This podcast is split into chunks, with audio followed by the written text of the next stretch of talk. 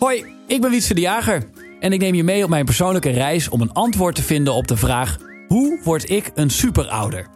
Ouder zijn is waanzinnig. Leuk, het is mooi, maar opvoeden kan ook een enorme uitdaging zijn. Waarom? Waarom? Waarom? Daarom ga ik in deze podcast het gesprek aan met expert Steven Pont, andere ouders zoals Klaas van der Eerde en mijn eigen vader. Ik vind dit vermakelijk.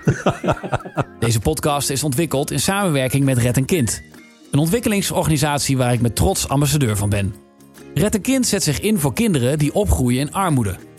Ik zal in een van de afleveringen dan ook spreken met Marga, een expert vanuit Red een Kind die ouderschapstrainingen geeft in landen waar Red een Kind werkzaam is. Heb ik je nieuwsgierig gemaakt? Dan mag je bijna beginnen met aflevering 1. Eerst mag ik je nog iets leuks aanbieden. Red een Kind heeft namelijk het magazine Grootbrengen uitgebracht. Boordevol inspirerende artikelen over opvoeden, een interview met mezelf trouwens en leuke spelletjes voor de kids. Wil je Grootbrengen gratis en snel in huis hebben? Ga dan naar reddenkind.nl slash magazine. Op naar aflevering 1. We trappen af met een gesprek met mijn eigen vader, Aals en de Jager.